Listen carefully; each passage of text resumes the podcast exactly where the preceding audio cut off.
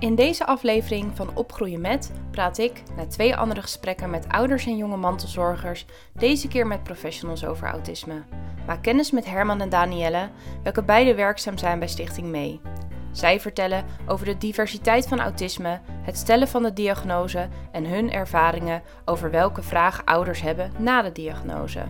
Het netwerk van ouders speelt vaak een belangrijke rol. Maar hoe informeer je je familie, vrienden of buren dat je kind autisme heeft? In deze aflevering geven zij veel informatie, tips en adviezen aan ouders van een kind met autisme, maar ook aan ouders die vermoeden dat hun kind autisme heeft. Welkom, ik zit hier aan tafel met, uh, met Herman en Danielle. Beiden zijn werkzaam bij Stichting Mee en hebben in hun werk veel te maken met kinderen met autisme. Uh, welkom, leuk dat jullie er zijn. Kunnen jullie wat over jullie zelf en over jullie werk vertellen? Ja, dan wil ik beginnen. Uh, nou, ik ben Danielle en uh, ik werk bij, uh, bij Mee Midden-Holland. daar doe ik onafhankelijk cliëntondersteuning. Dus ik sta eigenlijk echt naast ouders, want ik werk vooral met jeugd. Um, ja, en ik doe verder heel veel de integrale vroeghulp. Ehm, en daar kom ik het stukje autisme of vermoeden van, is het vaak nog waar we over spreken, kom ik vaak tegen. En integrale vroeghulp, wat, wat is dat precies? Uh, ja, de integrale vroeghulp, dat is uh, voor kinderen van 0 tot 7.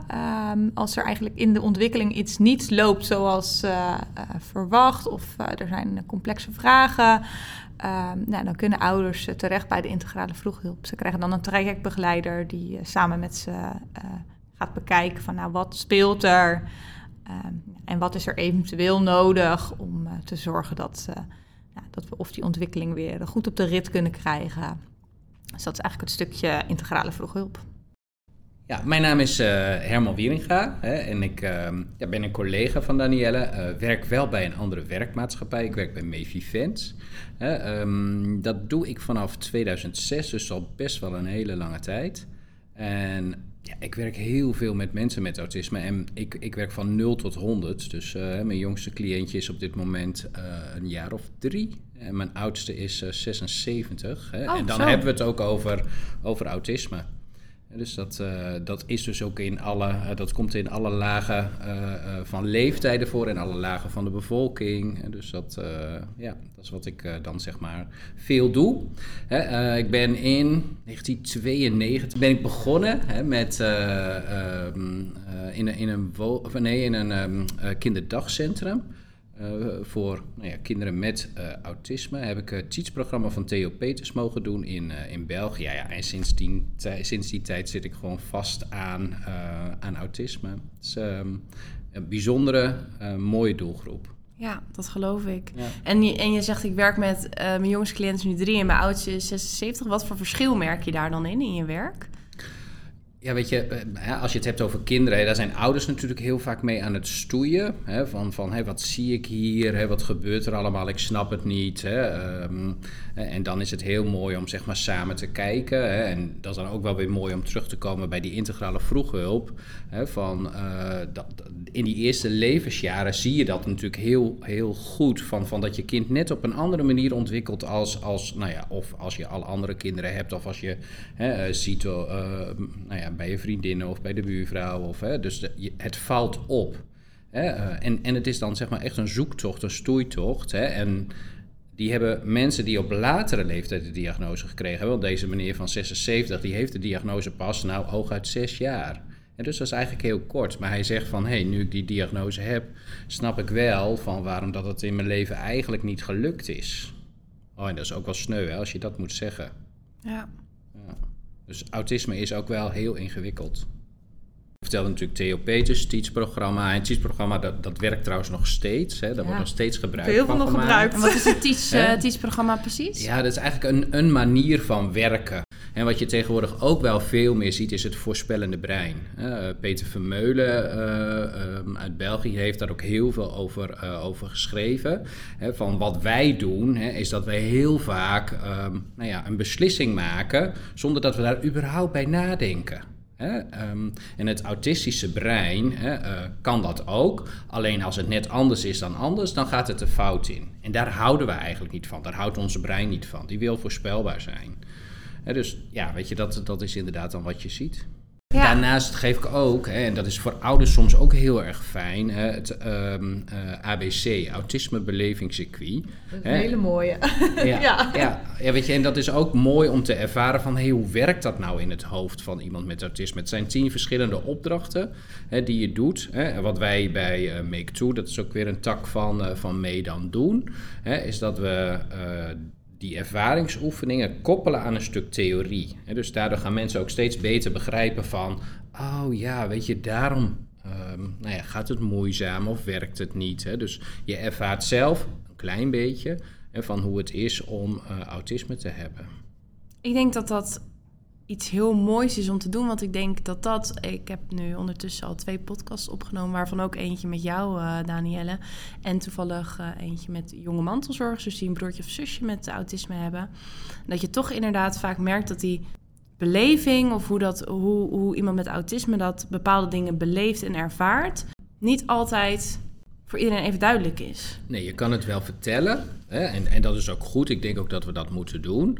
Hè, maar op het moment dat jij gaat ervaren, hè, van, Ja. werkt dat natuurlijk heel anders. Hè, van, van, ehm, ja, dan, dan, dan worden al je zintuigen aan het werk gezet. Ehm, en dan ben je niet alleen maar aan het luisteren. Wat, wat ik heel vaak zie, hè, bijvoorbeeld als je die opdracht hebt met eh, schrijf autisme, en dan moeten Ja. mensen in een spiegel kijken en dan autisme schrijven, hè, dat je die frustratie zo voelt. Ja. Hè, van, van, en dat je dan eigenlijk een blokkade in je hoofd krijgt. Hè, dat je denkt van ja, ik, dit kan ik niet. Nou, dat is dus iets van wat Hoe mensen moeilijk met... kan het zijn? Hè? Dat, Ja, ja. ja. eenvoudige opdrachten, Ja. dat lukt niet eens. Nee, het komt gewoon niet van de grond. Of ik zie het gewoon echt niet. Dat is ook, er zit ook Oh een puzzel, in. Dat mensen echt zeggen van, ik zie het gewoon echt niet. Help, weet je. En dat, nou ja, dat, Nou, dat is goed hè, dat jij zegt help. ja, want dat, dat, wordt niet gezegd. Maar dat doen we dus eigenlijk niet. Hè. Heel vaak zeggen we tegen mensen met autisme van als je het niet weet, joh, vraag het dan. Hè, van dan help ik je. Hè. Maar als wij zelf dan hè, in zo'n training aan de slag gaan, merken we dus ook, hè, en dat, dat is ook wat mensen aan het eind van de dag denk ik ook wel meenemen, we stellen niet zo, vraag, zo graag de vraag om hulp. Hè, van daar, daar, ja, daar houden we niet van. We willen het zelf, Zelf. doen. Ja, Ja. ja. Ja, heel Ja. herkenbaar. En nu, nu herken ik eigenlijk uit jullie verhaal al een aantal punten ook van autisme. Maar wat houdt het dan precies in eigenlijk? Ja, dat is een leuke dan. Hè? Ja? Precies. dat is een hele leuke. Ja, precies. Ja, precies is het gewoon eigenlijk niet te zeggen, want het is gewoon heel divers. Dus, eh, hebben- ik denk dat als je het aan mensen vraagt, dan wordt er heel vaak gezegd dat het, stukje, het sociale stukje ingewikkeld is. Dat het stukje hè, rondom de communicatie, rondom, ja, dat, dat dat dingen zijn die ingewikkeld zijn. Maar het is niet zo dat het bij iedereen met autisme op die manier is. Dat heeft met zoveel andere factoren nog te maken. Dus ja, dat... eh, Ik denk dat je het ook niet precies kan eh, hè, omschrijven. Hè, van, van als jij de diagnose krijgt, dan heet het de diagnose ASS, autisme spectrumstoornis. Hè, maar dat wil niet zeggen dat het per definitie een stoornis hoeft te zijn. Hè, van, van, ehm, ik spreek tegenwoordig veel liever alleen over autisme hè, en eh, een andere manier van, eh, van waarnemen, een andere manier van denken. En wij hebben de wereld met z'n allen ook heel ingewikkeld gemaakt. Hè, en we vragen of mensen van, met autisme eh, eigenlijk in die wereld willen komen. En terwijl zij eigenlijk in een andere wereld leven.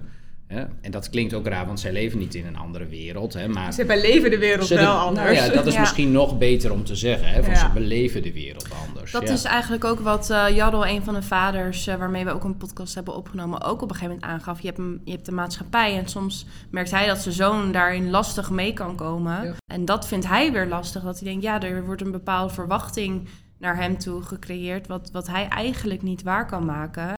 En dat, en dat, is maar hem... de vraag, hè, of hij het niet waar kan maken. Hij kan het niet waarmaken op de manier zoals wij het verwachten. Precies, Hè? ja. Maar doen ja. wij wat aanpassingen, hè, dan zou die wellicht prima mee kunnen komen. En dat is niet zo 1, 2, 3 gebeurd. Nee, Dat en dat is ook vaak ingewikkeld, denk Ja. ik. Hè? Van, van als je hè, die, eh, ja, gaat zoeken naar die aanpassingen, wat, wat is het dan? Soms is dat dus ook een levenslange zoektocht. En wat is dan de leeftijd waarop gemiddeld autisme wordt vastgesteld? Nou, ik denk na het antwoord van Herman net, is dat, eh, als je natuurlijk eh, iemand, eh, zei 76, Ja.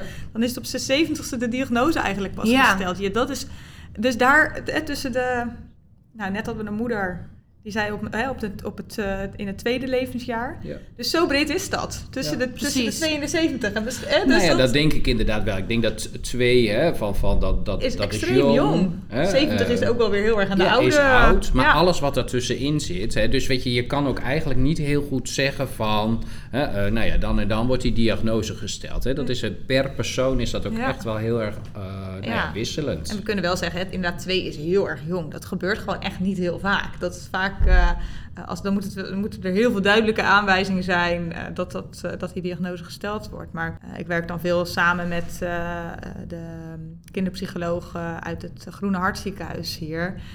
En die zeggen ook vaak, ja, weet je, dat is nog zo'n jonge leeftijd. Dat is het, en heel moeilijk te testen. We willen liever gewoon eerst eens naar richting die vier jaar, vijf jaar en dan gaan we eens kijken. En in die tussentijd wel de juiste ondersteuning inzetten, maar nog geen label plakken. Ja, maar Dat- als jij, je kan ook vermoeden van autisme Ja, hebben. zo hè, begint van- hij van- vaak. Ja, ja, maar dat is eigenlijk al wel goed als, je het, als, Ja. als het al wel zo duidelijk is bij kindjes van, van, van twee, drie jaar. Het vermoeden is er. Weet je, dan kan je wel de manier van, van hoe je ermee omgaat. Hè, van dat kan je al wel vast gebruiken. En dan kijken of je dan zegt, maar net iets ouder dan die diagnose stelt. Nou, en wat je, wat je natuurlijk ook bij ouders heel vaak ziet, hè, is dat ze. ehm, nou, heel erg zoeken, aan het zoeken zijn van wat is er nou met mijn kind? Hè? Waarom lukken nou bepaalde dingen niet? Ik snap er niks van. En op het moment dat die diagnose dan komt, Ja. ja, valt er ook wel veel weg. En tegelijkertijd gaan ze zich ook weer heel veel zorgen Ja. maken. Hoe ziet de toekomst er dan Ja, uit? want hoe, hoe gaat het dan na zo'n diagnose? Nou ja, wa- wa- wat ik zeg denk ik, hè, van er is, er is duidelijkheid, dus dat is fijn. Hè, eh, en dat, dat heeft altijd even tijd om in te dalen. En niet alleen bij ouders, maar vooral netwerk, hè, van wat ook eh, eh, Ja. denk ik een hele grote rol hierin speelt. Hè, en ehm, nou ja, dan, dan komt het stukje acceptatie. ja, het is eigenlijk ook, ik zeg ook altijd wel een beetje rouwverwerking. Hè. Op het moment dat er een diagnose komt, hè, is er ook altijd wel een stukje rouwverwerking. Ja, ook omdat je, wat jij net zei Danielle, niet weet van wat brengt de, toe- de toekomst. En dat geldt natuurlijk voor elk kind. Hè? Alleen, weet je, de, de, de weg voor kinderen zonder diagnoses hè, van is, is iets minder ingewikkeld of op een andere manier ingewikkeld dan ki- voor kinderen met, hè, met autisme. Ja. Maar ruimte voor, hè, voor een stukje rouwverwerking. Ja. Hè, en tegelijkertijd Acceptatieproces. ja, eh, ja, ja. ja, ook aan de slag met, hé, hey, maar wat werkt dan wel? Ja. En wat ik ook heel belangrijk vind, is het netwerk hierin meenemen. Van, van, eh, eh, ik was laatst ehm, bij jonge ouders op gesprek. En eh, ik ken ze al een tijdje. En ze vroegen, joh, Herman, wil jij voor, voor ehm, eh, familie van ons Brainblocks doen? Zij kenden dat, hè, Brainblocks. En misschien moet ik even vertellen wat Brainblocks inhoudt. Hè, van, van eh, Brainblocks is eigenlijk eh, een, een, een methode om te laten zien van wat autisme precies in je hoofd doet. Van, van je hebt twee verschillende hoofden. Ik vraag dan aan de mensen, kan je zien hè, van welke heeft autisme, welke niet? Nou, dat kan je natuurlijk niet zien. Tot op het moment ik een filter pak. Wij kunnen informatie filteren en dat kunnen mensen met autisme minder gemakkelijk. Dus al die informatie komt binnen. Dus dan gooi ik al die blokken, daarom hè, gooi ik al die blokken op dat hoofd van de, persoon die autisme heeft. Ja, en dan wordt het natuurlijk een rommeltje, het geeft lawaai. En ja, dat is dan wel duidelijk van, hé, hey, er gebeurt dus heel veel in dat hoofd. En zij wilden heel graag van dat ik aan hun netwerk zou laten zien van wat dat voor hun kind betekende. Nou, dan doe je dat, zeg maar, heb je zo'n avond met elkaar. En dan toch hè, aan het eind hè, van zegt opa van, van eh, ja, maar ik vind het toch jammer dat ze dan niet op mijn verjaardag komen. Hè? En, en ik snap dat. Weet je, van, van hè, je wil graag van dat hè, ook jouw kleinkind onderdeel is van hè, op dat moment jouw verjaardagsfeestje.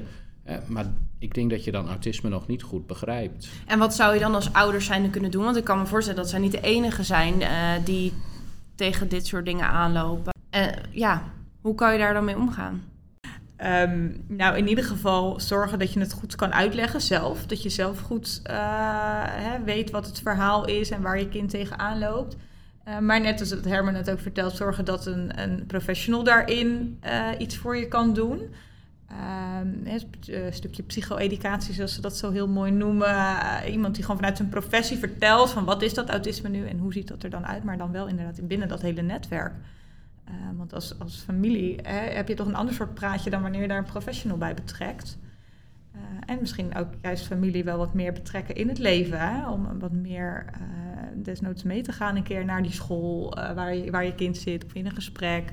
Maar ja, dat is wel echt heel erg situatieafhankelijk, uh, denk ik. Ja, en het is soms ook, ook lastig hè, met netwerk, met, ja. met opa's en oma's die zeggen van... joh, geef hem maar een weekje aan mij hè, en dan komt alles komt wel het alles goed. Ja, ja, ja. En, en, en dat is wat zij ook zien, hè, want...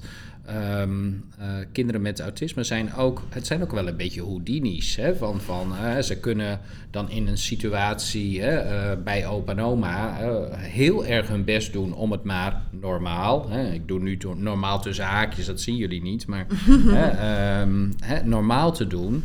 Maar dat komt eruit in de vertrouwde thuissituatie. Hè? Dus daar nou ja, ontploft dan zeg maar weer het kind en heeft het weer echt tijd nodig om Ehm, nou ja, bij te komen. Hè? Dus ik denk inderdaad wat jij zegt, Danielle, van, van heel dat netwerk daar toch van op de hoogte brengen. En, ja, en ik vind het heel fijn als ouders mij uitnodigen om dat hè, dan in gezamenlijkheid te doen, zodat iedereen zeg maar hetzelfde verhaal te horen krijgt. Want dan kunnen zij daar ook weer op teruggrijpen.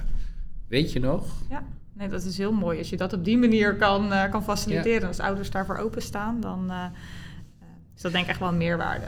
Nee, en daar is soms ook tijd voor nodig. Hè? Want dat heb je, wat we net zeiden, die, dat stukje rouwverwerking, dat is eerst nodig voordat je eigenlijk aan de gang kan gaan met een stuk psycho-educatie. Ja. ja. ja. En merk je dan ook nog verschil in, in leeftijden? Dus dat, dat uh, die psycho-educatie, je zegt van nou, bijvoorbeeld bij een leeftijd van zeven jaar uh, moet er op een andere manier omgegaan worden dan bij een leeftijd van uh, 30 jaar bijvoorbeeld, of 50 jaar ik denk dat het qua psycho-educatie in principe hetzelfde is, alleen je maakt natuurlijk een andere insteek.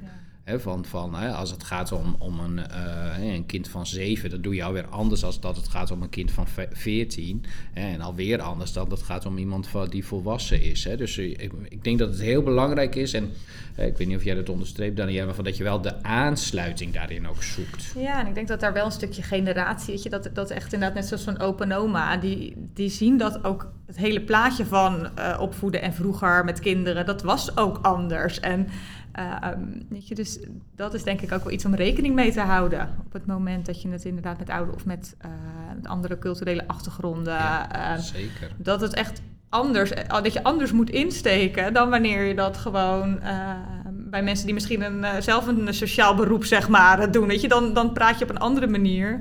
Of dan zal het sneller misschien aankomen dan dat ja. je. Ja. ja. Ja, en wat nou als, als ouders nu uh, twijfels hebben over of hun kind misschien autisme heeft? Wat, wat zouden die dan nu kunnen doen?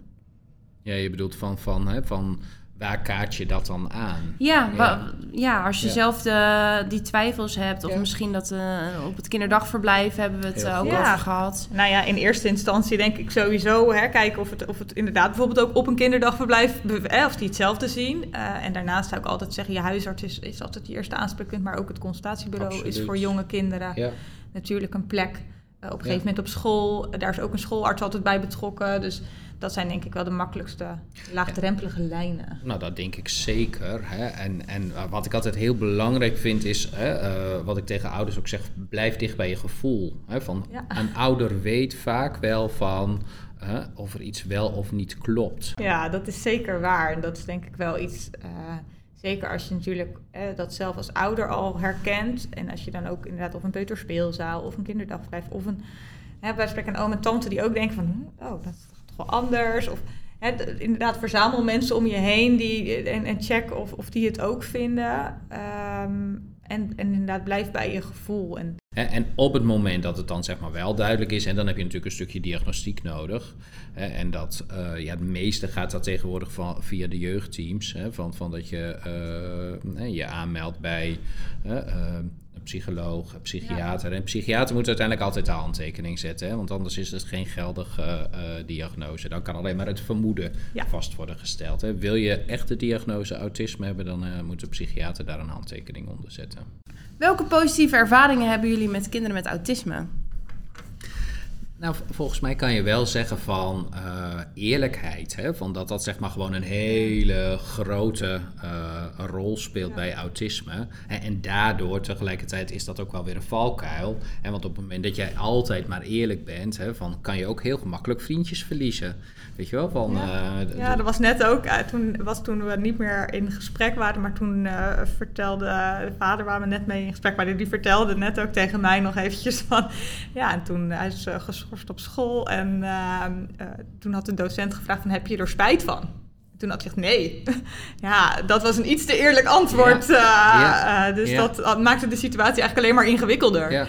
Uh, Terwijl dat eigenlijk ook wel weer raar is, hè, Danielle? Weet je wel, van dat, uh, hoe mooi is het als een kind zegt van... Maar... ik heb er geen spijt van, want hè, ik heb het gevoel van wat ik gedaan heb, dat dat klopt. Hè, van, in, een, in een gewone regulier Nee, het wordt niet middelbare, middelbare school is dat niet helemaal. Maar dat is wel inderdaad. Ik had er inderdaad zelf ook hè, daar met die vraag. Dat ik dacht, ja, het stukje. Uh, ze zijn vaak wel te vertrouwen. Want je kan zeggen, je mag tot die straat en niet verder. En ze zullen ook nooit verder gaan dan die straat. Dat zal, uh, dus dat zijn wel dingen die. Uh, Nee, ze zullen dus ook niet, daarom vind ik het voorbeeld zo mooi wat je uh, zegt, van ze zullen niet sociaal wenselijk nee. zijn. Weet je wel, van dus uh, what you see is what you get, ja. weet je wel, van dat, dat is denk ik inderdaad van, als je het hebt over positief uh, autisme. En er zitten natuurlijk best nog wel een heleboel meer positieve dingen aan. Hè? Alleen we, we, we, zien het heel vaak, en daarom begon ik natuurlijk ook met uh, autisme spectrum stoornis. We zien die stoornis heel vaak. Maar ja, weet je, soms is rechtlijnig ook heel fijn, open. Um... Ja, nou ja, weet je, je weet altijd wat je aan ze hebt. Dat is, het ja. is altijd, uh, wij draaien er vaak graag omheen, want dan vinden we het te hard om de waarheid te vertellen. En zij is van, ja, dit is het. En doe het ermee. Ja. En dat, ja. uh, maar dat wordt niet altijd gewaardeerd. Terwijl dat eigenlijk ja, en wat, wat ik wel de laatste paar jaren hoor en zie, hè, is dat, dat zeker als je kijkt naar volwassenen, hè, van dat, uh, dat uh, beroepsgroepen ook steeds meer gaan zien van... hé, hey, het is eigenlijk wel fijn om iemand met autisme ja. in dienst te hebben. Oh ja. Want, nou ja, de politie, hè, die, die uh, zet iemand achter een camera... en die gaat kijken van, hé, hey, wil jij hè, details, bepaalde details eruit halen? Hè? En nou ja, daar zijn ze natuurlijk gewoon heel erg goed in. Hè? Of Philips die mensen in dienst neemt omdat ze uh, heel erg nou ja, precies kunnen werken. Punctueel zijn. Ja. Altijd op tijd. Ja. Hè? Dus ja, weet je, er zijn echt wel een heleboel positieve dingen te noemen. Ja, vind ik heel mooi. Omdat je heel vaak toch de negatieve kant belicht. Het is natuurlijk ook heel mooi om de positieve kant uh, ja, Die zijn er zeker. Alleen dat de, de, maatschappij moet die wel... Hè, dat, dat is denk ik het stukje... Ze kunnen best functioneren in een bepaalde baan. Alleen Hè, dan in die baan gaat het heel goed, maar dan uh, stel dat er een collega om hulp vraagt, dan wordt het ingewikkeld. Want dan ja. wordt er ineens dat sociale stukje verwacht. En als, ja, als dat uh, bekend is dat diegene autisme heeft, dan komt het vaak wel goed. Maar als dat dan lastig is om mee om te gaan, dan. Uh, nou, en ik moet nu ook weer even denken aan dan dat voorspellende brein. Hè? Van, van als jij dus zeg maar je werk hè, volgens een bepaalde structuur kan doen, maar opeens roept een collega help. Hè, en jij hebt dat nog niet als script bedacht, weet je, dan raak jij daar dus van in de war. Ja, hè? klopt maar, jouw patroontje niet ja, meer. Ja. ja. dan klopt je patroon inderdaad niet meer. Hè? Maar gebeurt dat vaker, dan kan je het inbouwen. Dan ja. weet jij, hé, hey, dus een collega kan help roepen. Ja, en dan weet ik van, hè, of ik moet even een hand op iemands schouder leggen, of ik moet even helpen. Hè? Dat is echt en, aangeleerd dan. Ja, uh, ja. ja, En dan kan je weer verder. ja. Precies, en dat is eigenlijk waar we het uh, in de andere podcast ook over hadden. Dat is ook met hoe andere mensen daar weer mee omgaan, ja. uiteindelijk ook. Ik denk dat dat zeker een hele grote rol speelt. En ja. hoe wij als hè, um, uh, omgeving daarmee omgaan. Hè? En hoe, um, nou ja, weet je, van, dan heb je het over autismevriendelijk. Weet je wel, van, van dat is natuurlijk ook wel weer zo'n, um, ja, ik vind het ook een beetje een vies woord. Maar uh, weet je, natuurlijk wil je, wil je inderdaad het zo goed mogelijk aanbieden. Hè, maar Um, het is meer van, hey, hoe gaan we met elkaar daarmee om? Weet je wel, want het is niet per definitie autismevriendelijk. Nee, het is vriendelijk gewoon naar iedereen. Dus niet s ochtends om zeven uur de winkel open dat er alleen autisten boodschappen mogen doen, dat er dan geen muziekje is. Weet je wel, van, maar meer van, hey, hoe kan ik dan zeg maar uh, rekening houden met, met uh, mensen met autisme die bij mij in de winkel komen? Nou, ik zou zeggen, ga geen dingen veranderen. Weet je wel, van laat, laat gewoon die winkel ja, zijn zoals dat die is. van menig mens hoor. Ja, ja, ja, nou dat is inderdaad niet eens alleen autisme. Nee. Nou ja, wat je net dat is inderdaad, ja, je moet het gewoon voor iedereen, zijn sommige dingen prettiger, maar dat is inderdaad een van de hè, ergernissen bij meerdere mensen, denk ik. Ja. Ja, ja. Oké, okay, en Wat nou als er ouders nu luisteren en denken van nou, misschien zou mijn kind best wel eens een vorm van autisme kunnen hebben. Ehm, waar kunnen zij dan terecht voor vragen of ondersteuning? Ja, ik denk dat dat inderdaad gewoon ook een goede vraag is. Hè? Want je wilt als ouder ook gewoon graag verder. Hè? Van, van, zeker als jij het vermoeden hebt van dat er iets speelt. Hè? Ehm, ja, ik zou zeggen op, op uh, landelijk niveau zou ik kijken naar uh, de NVA, Nederlandse Vereniging Autisme. He, van, uh, daar staat ontzettend veel informatie op. He, van, van, he, waar je eerst in ieder geval iets, iets in kan lezen over van wat is autisme nu precies. Ja, en ook heel erg per leeftijdscategorie staat het daar heel mooi ja. beschreven. Echt ja. uh, vanaf uh, um, de, de, de peuterleeftijd, zullen we maar zeggen, tot aan uh, volwassenen. Dus dat is wel ja. Ja. voor herkenning en bevestiging. Ja, en, en eentje daarop voortbordurend is ook nog volgens mij Balans Digitaal. Hè, van die heeft ook gewoon heel veel informatie. Die is misschien nog net iets breder. Hè. Ja. NVA is echt speciaal gericht op uh, autisme. Balans Digitaal pakt hem ook nog iets, iets breder. Hè. Maar ook um, nou ja, de autisme-netwerken, hè, die eigenlijk over heel Nederland uh, hè, verspreid zijn. Hè, waar ook allemaal organisaties bij aangesloten zijn die uh, kennis hebben op het gebied van autisme. Hè. Die kan je ook uh, vaak bellen of mailen. Hè, van, van als je nou ja, wilt weten waar kan ik mijn kind laten testen, hè, waar kan ik uh, begeleiding inkopen. Dus dat, ehm, dat vind je daar allemaal staat heel veel op het internet. Uh, en dat is inderdaad, hè, dat is dan Autisme Netwerk Nederland. Als je daarop zoekt, dan komt hij er meteen uit, uh, uitrollen. Dus dat, en dan die site is ook echt heel duidelijk en heel overzichtelijk. Je doet je postcode in en een hele reut komt eruit rollen waar je terecht kan. Er zijn zoveel verschillende mogelijkheden. Ja. Dus, uh, maar ik denk dat, dat het heel goed is om te kijken naar hè, de site van jouw plaatselijke gemeente. Hebben jullie uh, nog verder nog tips of adviezen die, uh, die jullie ouders mee zouden willen geven? Nou, ik had vooral inderdaad dat ja, hè, als je denkt dat je een, als je een vermoeden hebt of als je een niet pluisgevoel hebt, uh, onderbuikgevoel, uh, ja, trek aan de bel. Uh, en luister de huisarts niet dan naar het consultatiebureau of andersom. blijf er niet alleen mee rondlopen. Dat is denk ik wel mijn, mijn grootste advies daarin. En nou, meteen daaraan vast van nee, je hoeft het niet alleen te doen. Er zijn gewoon echt organisaties die met je mee kunnen denken. Die, hier in regio Gouda is, is mee daar ook hè, in die zin voor dat wij kijken en denken mee in het stukje uh, hè, waar en hoe kom je op de goede plek terecht uh, en wat is er nodig. Dus dat, uh, nou ja, ga niet alleen. Nee, ik denk dat dat inderdaad heel belangrijk is. Hè? Van, van stoei ja. niet alleen mee, want het is echt wel ingewikkeld. Hè, of het, het kan ingewikkeld zijn. Hè. En, en er zijn ook gewoon heel, heel veel, uh, hè, als we het dan weer even hebben over de NVA. En die hebben natuurlijk ook uh, heel veel uh, ontmoetingspunten in heel Nederland. Hè, van, dus ga daar ook eens naar kijken. Van, van, hè, kan ik op zoek naar lotgenoten? Hè? Als ik kijk bijvoorbeeld naar mijn regio, van, van daar is, zijn de, de chill-out cafés, hè, noemen ze dat, oh, zeg ja. maar. Hè, de cafés waar jongeren met autisme elkaar ontmoeten. Hè, um, er, is best heel veel hè, en maak daar ook gebruik van. Ja, er worden ook echt dagen georganiseerd. Uh, dat je echt, uh, hè, dat bij wijze van spreken een pretpark die dag alleen maar open is voor mensen met autisme. Zodat, daar, uh, zodat ze op een andere manier kunnen, gebruik kunnen maken zeg maar, daarvan dan wanneer er horders mensen lopen. dus er is echt heel veel. Alleen ja, dat is soms een zoektocht. Dat is ja. denk ik wel. Uh... Nou, en dan is het fijn inderdaad, wat jij zegt van um, als je die zoektocht niet alleen wil doen, hè, ja. meld je dan inderdaad bij. Hè, uh, nou ja, goed, wij, wij zitten hier namens mee. Ja. En die mogelijkheid is er. Hè, maar, uh, Ook dat het sociaal team van je gemeente kan daar echt wel heel veel weten, in doen. Zeker weten. En wat nog wel mooi is om, om um, als je iets meer wilt weten over autisme. Er is twee jaar geleden is er een, um, een animatie verschenen, Mind My Mind. Hè, en um, daarin wordt heel duidelijk um, uh, getekend door iemand met autisme. Die heeft deze uh, animatie gemaakt. Van wat gebeurt er nou precies in mijn hoofd op het moment dat ik weer nieuwe informatie krijg? Hè, van dat ik elke keer weer een nieuwe script moet schrijven. En dat je dus elke keer als er wat gebeurt even in je brein moet kijken van welk script moet ik er nu bij pakken. Hè, en dat je van daaruit ook begrijpt van hé, hey, het duurt dus ook allemaal gewoon veel langer. Dus ik moet gewoon ook even geduld hebben. En dus dat zou ik als tip mee willen geven. Kijk eens naar Mind My Mind. Oké, okay. dank jullie wel. Graag gedaan. Graag gedaan. ja. Dit was een aflevering van de serie Opgroeien met. Vond je deze podcast leuk? Like deze dan door op het hartje te klikken en volg ons op Facebook en Instagram om op de hoogte te blijven van nieuwe podcasts. Wil je een reactie sturen of heb je een suggestie?